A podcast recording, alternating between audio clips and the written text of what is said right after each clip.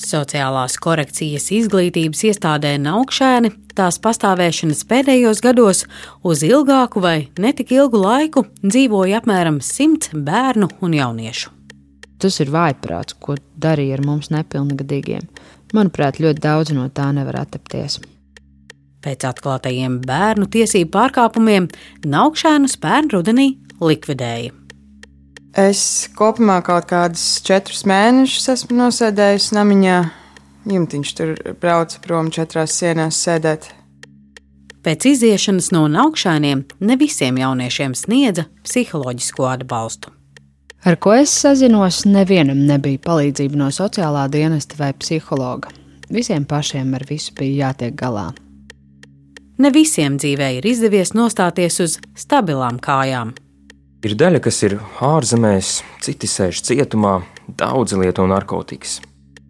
Kādēļ jaunieši pēc naukšainos pārciestajiem pāri darījumiem nesaņēma speciālistu palīdzību un kā izveidojusies jauniešu dzīve pēc korekcijas iestādes slēgšanas, to atvērto failu pusstundā pētīšu es, Linda Zalāne. Pirmā daļa - nevisai uzticas pieaugušajiem.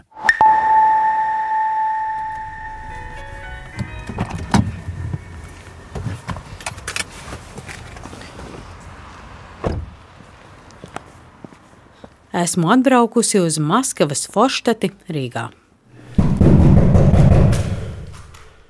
Tur vienā no ēkām, nelielā vienistabas dzīvoklī, mitinās 19 gadus veca jaunieta. Viņa piekrita ar mani runāt, ja neatklāšu viņas īsto vārdu. Tādēļ raidījumā viņu dēvēšu par Emīliju, un viņas teikto ierunās mana kolēģe. Septiņu gadu vecumā māte mūs savāca atpakaļ mājās. Emīlija ar pusotru gadu jaunāku brāli dažādos bērnu namos dzīvoja kopš trīs gadu vecuma. Un 11 gadu vecumā mēs atkal nonācām bērnu namā, un līdz pilngadībai mēs skaitījāmies tur. Jauniete stāsta, ka bērnu namā nonāca, jo mamma vairākas reizes bija cietumā un arī lieto narkotikas. Nu, vispār mēs dzīvojām tā nevisai smuki, var tā teikt netuvu cilvēcīgiem apstākļiem. Principā mamma mūsu dzīvē bija, un viņa nebija ar mums. Viņa dzīvoja ieslēgusies savā istabā, viņa visu laiku tur lietoja heroīnu. Mēs pat redzējām, kā viņa to lieto un kā viņa durstās. Emīlija atminas, ka bieži mājās nebija ēdiena. Es stāvēju pie lielajiem veikaliem un prasīju nevis naudu, bet lai mums nopērk to pašu maizes kukuli. Man ļoti gribējās ēst. Es biju lielā šokā, ka neviens negribēja palīdzēt. Nu, tiešām neviens. Visi gāja ārā no veikaliem un teica: Nav, nav, nav. Lai arī mamma lietoja narkotikas un mājās bija slikti apstākļi, viņa tik un tā nevēlējās nakšņot bērnu namā, bet pie mammas. Jā, es biju ļoti naivs bērns. Man visu laiku likās, ka viņa beidzot mūs sagribēs, nu, paņemt pie sevis, sāks ar mani pavadīt to laiku. Emīlija divus gadus atradās Ilģu ciema sieviešu cietumā. Vēl pirms tam divus gadus sociālās korekcijas izglītības iestādē Naukšēni, kas atrodas Valmieras novadā.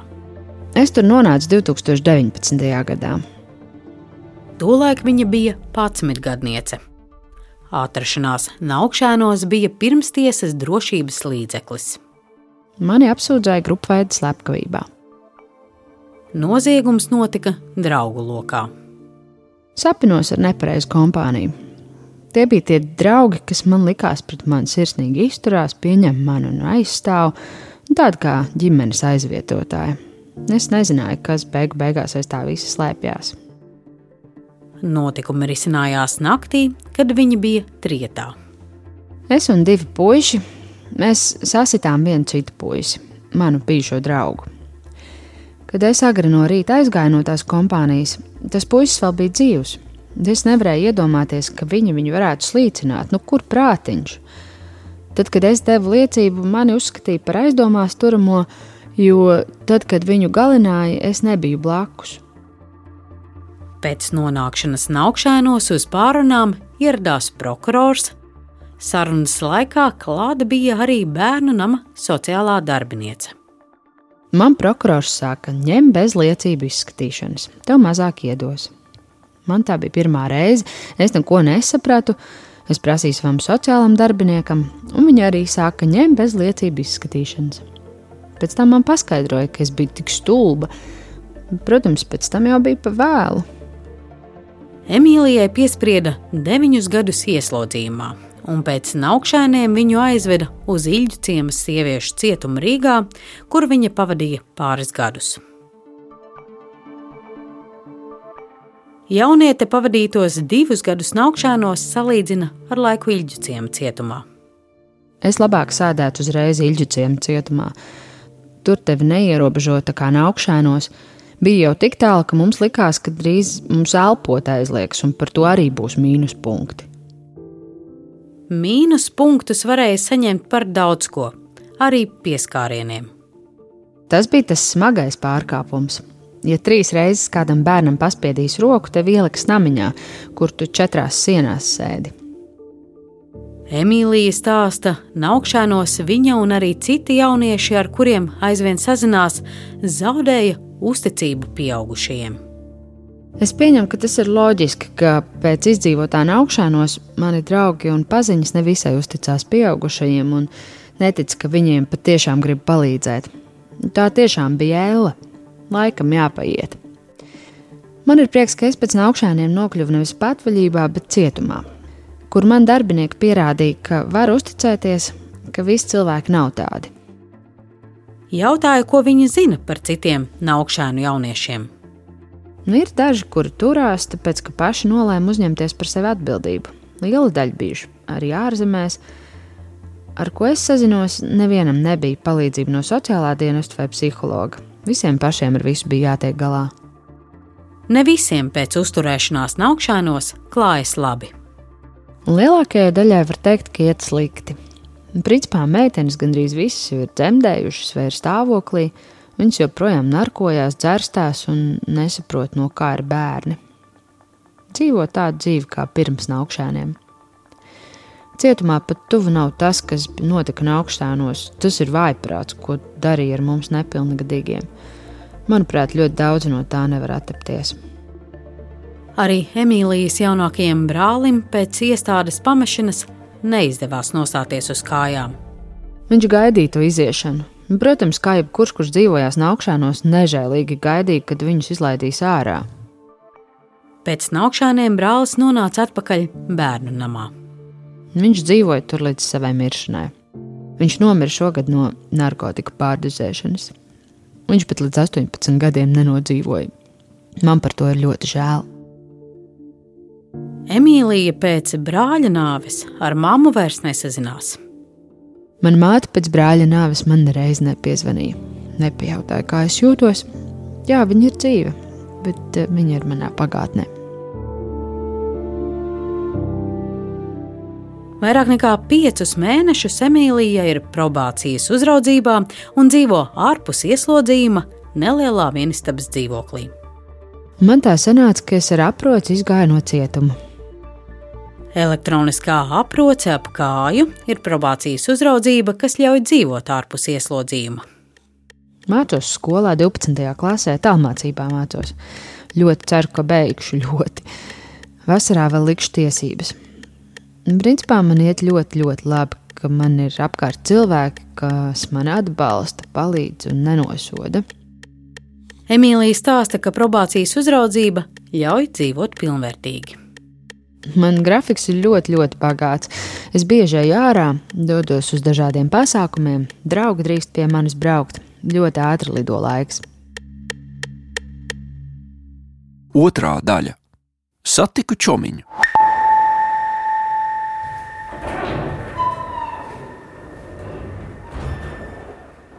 Latvijas radio es satiekos ar vēl diviem jauniešiem, kuri savulaik pabija sociālās korekcijas izglītības iestādē Naukšēni. Ah, jūs varat ielaist tālāk. Ejam, augšā šeit. Arī viņu vārdus raidījumā esmu mainījusi un saukšu viņus par Esteri un Gustavu. Abi jaunieši pirmo reizi viens otru ieraudzīja naukšēnos. Mums nebija naukšēnos kontakta, nekomunicējām. Mums bija tikai saskatīšanās. Pēc korekcijas iestādes pamešanas Estere un Gustavs sazinājās, sāka draudzēties un tagad jau divus gadus dzīvo kopā. Pat laban abi ir pilngadīgi. Estere jau kopš mazotnes dzīvoja bērnu namā, bet bieži tajā nenakšņoja un klaiņoja. 11 gados viņu aizveda uz augšēniem, kur bija jāpavada gads. Deviņus mēnešus biju meklēšanā, un jā, tad es vienu dienu aizbraucu uz mājām, un man parādīja to tiesas lēmumu. Un, un tad man policijā atbrauca pakaļ, aizveda. Savukārt Gustavs Naukšēnos nonāca 14 gadu vecumā un dzīvoja tur teju 3 gadus. Arī viņš klaiņoja apkārt, ilgstoši negāja uz skolu un nenakšņoja mājās. Mēs ar čomiem gribējām justies tādi krūtie. Nu, mēs izdarījām tur tādus noziegumus, zādzības, ielaušanās, huligānisms. Mums visiem bija tiesas, bet man vienīgajam iedeva naukšēnus. Runājot par šajā iestādē pieredzēto, arī viņi tāpat kā Emīlija, kuras stāstu dzirdējāt raidījuma sākumā, piemin soda punktu sistēmu. Nedrīkst atpūtas telpā sēdēt kā vēlies, jāsēž kā skolotājs grib. Nu, ja negribi savu ēdienu, tad to nevar atdot citam. Par to varēja dabūt punktus. Daudzi audzinātāji provocēja, lai mēs braucam tā kā virsū viņiem, un viņi mūs var aizvest uz karceri vai uz namiņu. Visu laiku notika konflikti. Jautāju Gustavam, lai viņš pastāsta ko vairāk par karceri un namiņu. Karceris atradās mūžas pagrabā. Tur bija lokus, vispār uz nekurieni.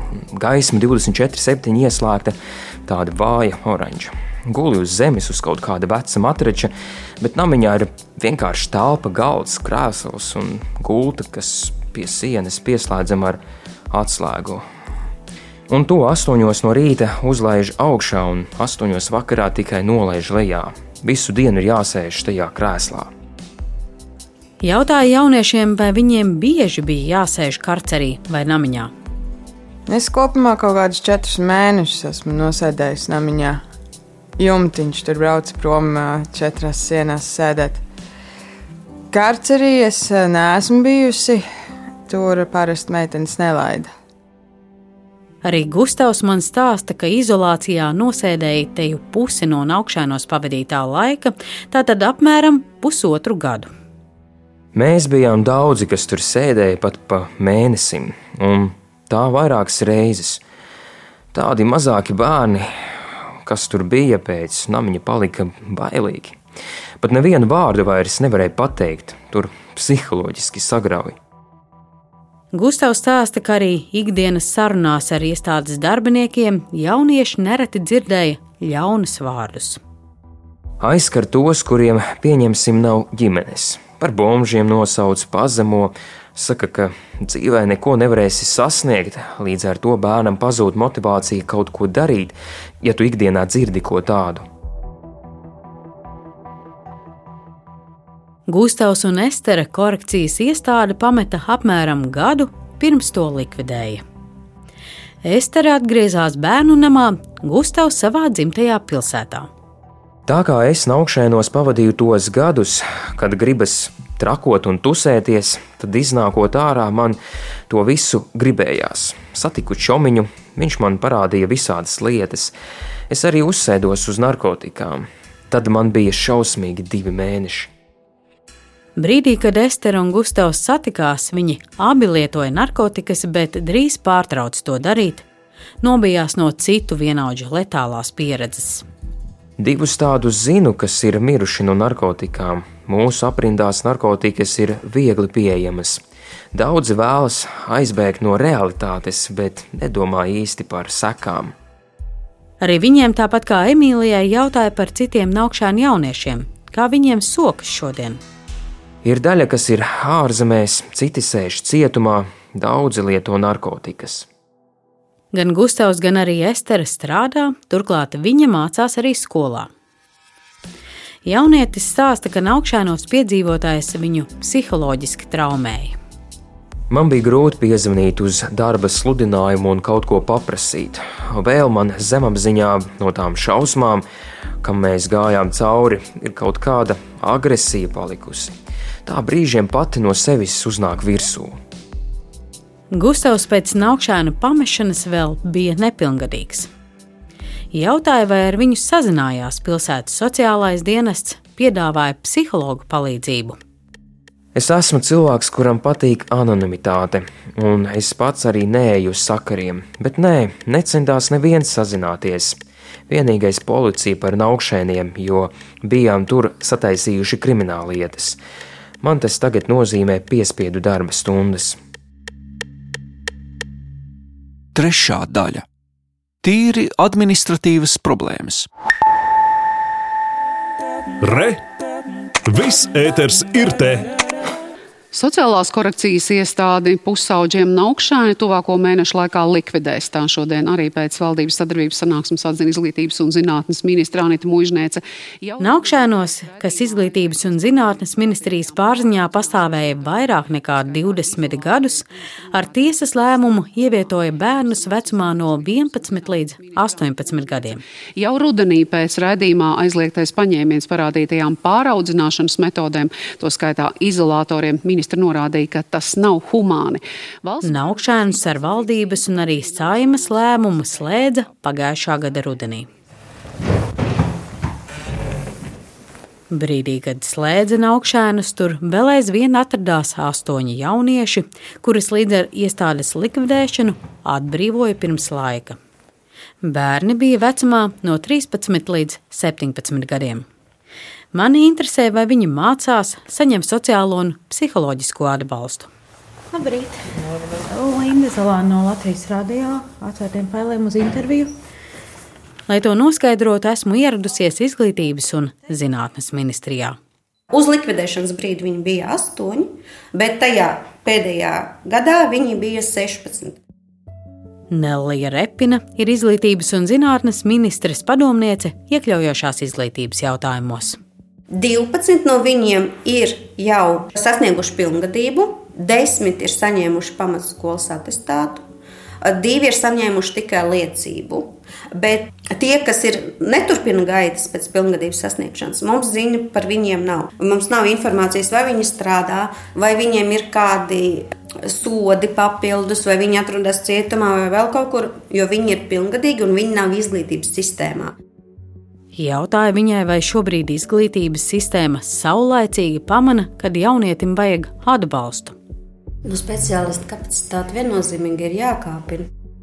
Es ierēdni mudinu tomēr izteikties precīzāk.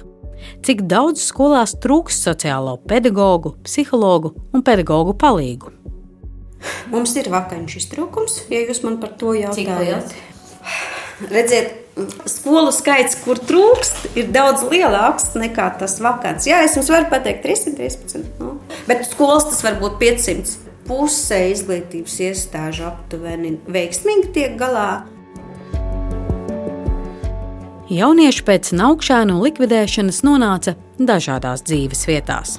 Daļa bērnu atgriezās pie ģimenēm vai pie aizbildņiem, un daļa ilgstošas aprūpes iestādēs, piemēram, bērnu namos vai sosmājās.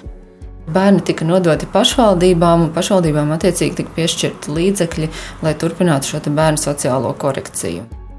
Valsts bērnu tiesību aizsardzības inspekcijas bērnu tiesību aizsardzības departamenta direktore Iveta Brīnuma stāsta, ka kopumā no valsts maka pašvaldībām atvēlēja gandrīz 30 tūkstoši eiro. Tātad tie bija apmēram 1200 eiro mēnesī par katru no astoņiem bērniem. Pašvaldībām bija jāsastāda sociālās rehabilitācijas plāns un jāsniedz bērniem atbalsts. Mhm. Par kurām pašvaldībām ir runa? Šie astoņi bērni, uz kurām pašvaldībām ir aizgājuši? Tālāk, jāpaskatās dokumenti.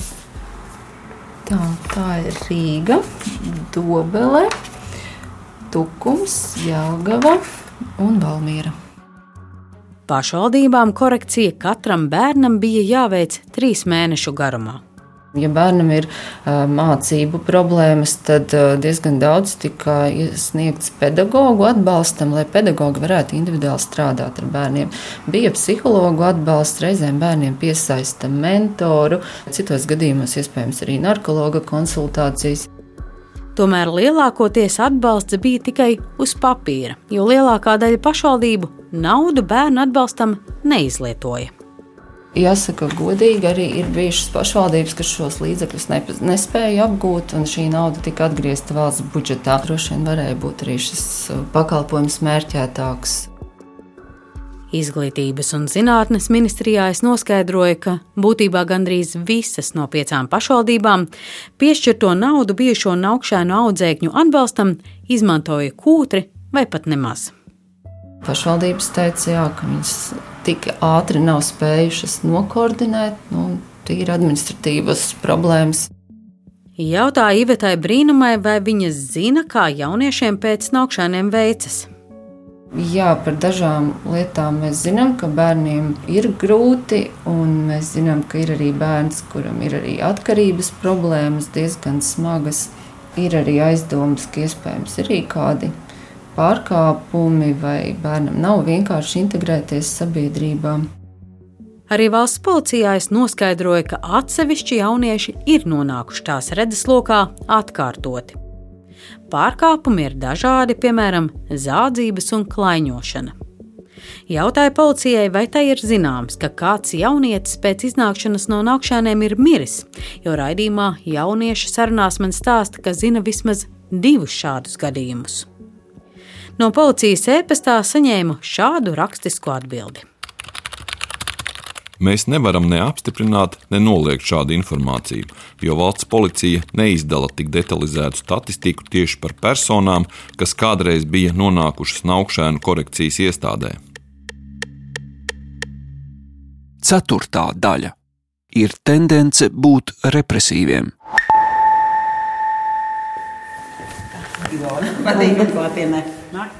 Daļa no jauniešiem, kas savulaik ir bijuši augšānu korekcijas iestādē, pat labi ir probācijas uzraudzībā. Tas nozīmē, ka viņiem ir piemērots kāds no krimināla sodiem vai audzinoša rakstura piespiedu līdzeklis. Tas, ko mēs redzam, ir ārkārtīgi ilgs laiks vajadzīgs, lai vispār panāktu uzticēšanos no tā bērna institūcijai kā tādai, kas ir kārtējā institūcija, un cilvēkiem, kas ar viņu mēģina šeit to kontaktu nodibināt. Un citreiz paiet vairāki mēneši, kad tas bērniņš atverās. Ilona Linde ir valsts probācijas dienesta vadītāja vietniece funkciju jautājumos. Viņas prāt, Latvijā sodu piemērošanas sistēma ir aplama. Latvijā salīdzinoši lielākais bērnu pārsvars ir krimināli sodīti bērni. Piemēram, pagājušā gadā probācijā ar kriminālu sodu bija vairāk nekā 300 bērnu, un tikai 20 no viņiem bija piemērota audzinoša rakstura uzraudzība.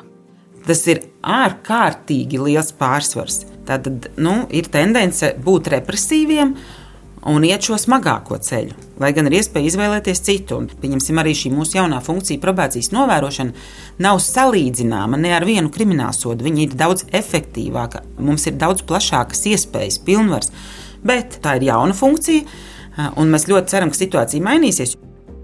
Ilona Linda stāsta, ka ir jāpanāk, lai pēc iespējas vairāk bērnu atturētu no saskares ar tradicionālo kriminālu tiesību sistēmu kas ļoti graujoši ietekmi atstāja uz bērniem un uz um, viņu uzvedību arī tālākā nākotnē, un kas ir arī absolūti pretrunā arī ar ANO bērnu tiesību aizsardzības konvencijā nostiprinātajām pamatvērtībām. Lai nākotnē varētu sniegt atbalstu augsta riska jauniešiem, Tieslietu ministrija valdībai piedāvās ieviest jaunu audzinošu rakstura piespiedu līdzekli, terapeitisko māju.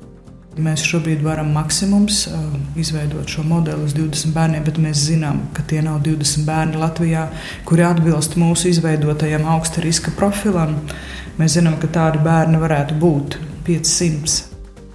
Anna Smiltēna ir Tieslietu ministrijas valsts sekretāra vietniece tiesību politikas jautājumos ar augsta riska profilu, viņa domā bērnus, kuri jau ir izdarījuši likuma pārkāpumus, ir nonākuši valsts probācijas dienas redzeslokā un kuriem ir augsta agresivitāte. Iestāde, kuru mēs piedāvāsim nākotnē, būtu tāda kā slimnīcas reanimācija. Ne visiem, kas ir slimnīcā, ir jānonāk reanimācijā. Tas ir dārgs pakalpojums.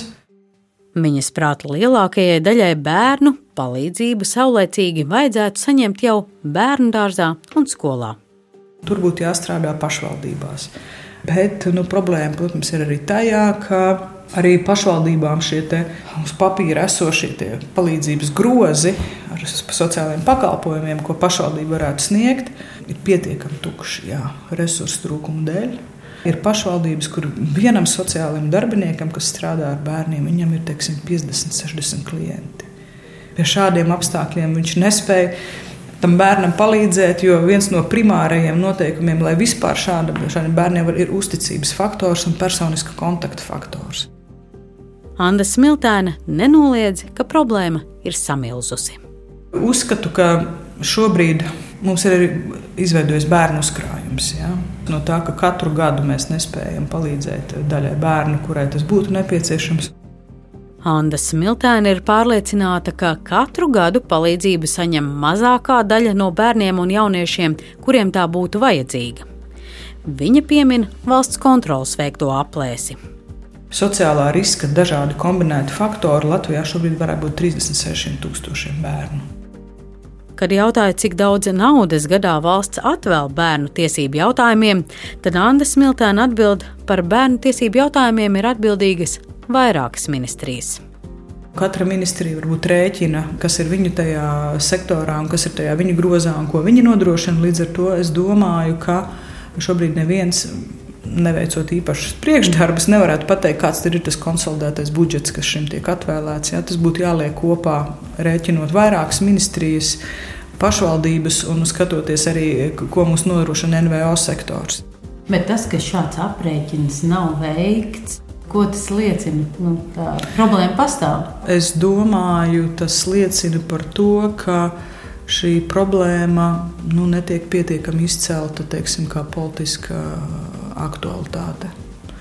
Viņai nav pietiekami augsts prioritātes tas status.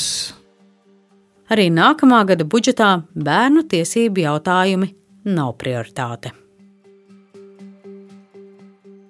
Kad jaunieši, kas nonāk līdz mums, ir ar ļoti daudz grūtībām.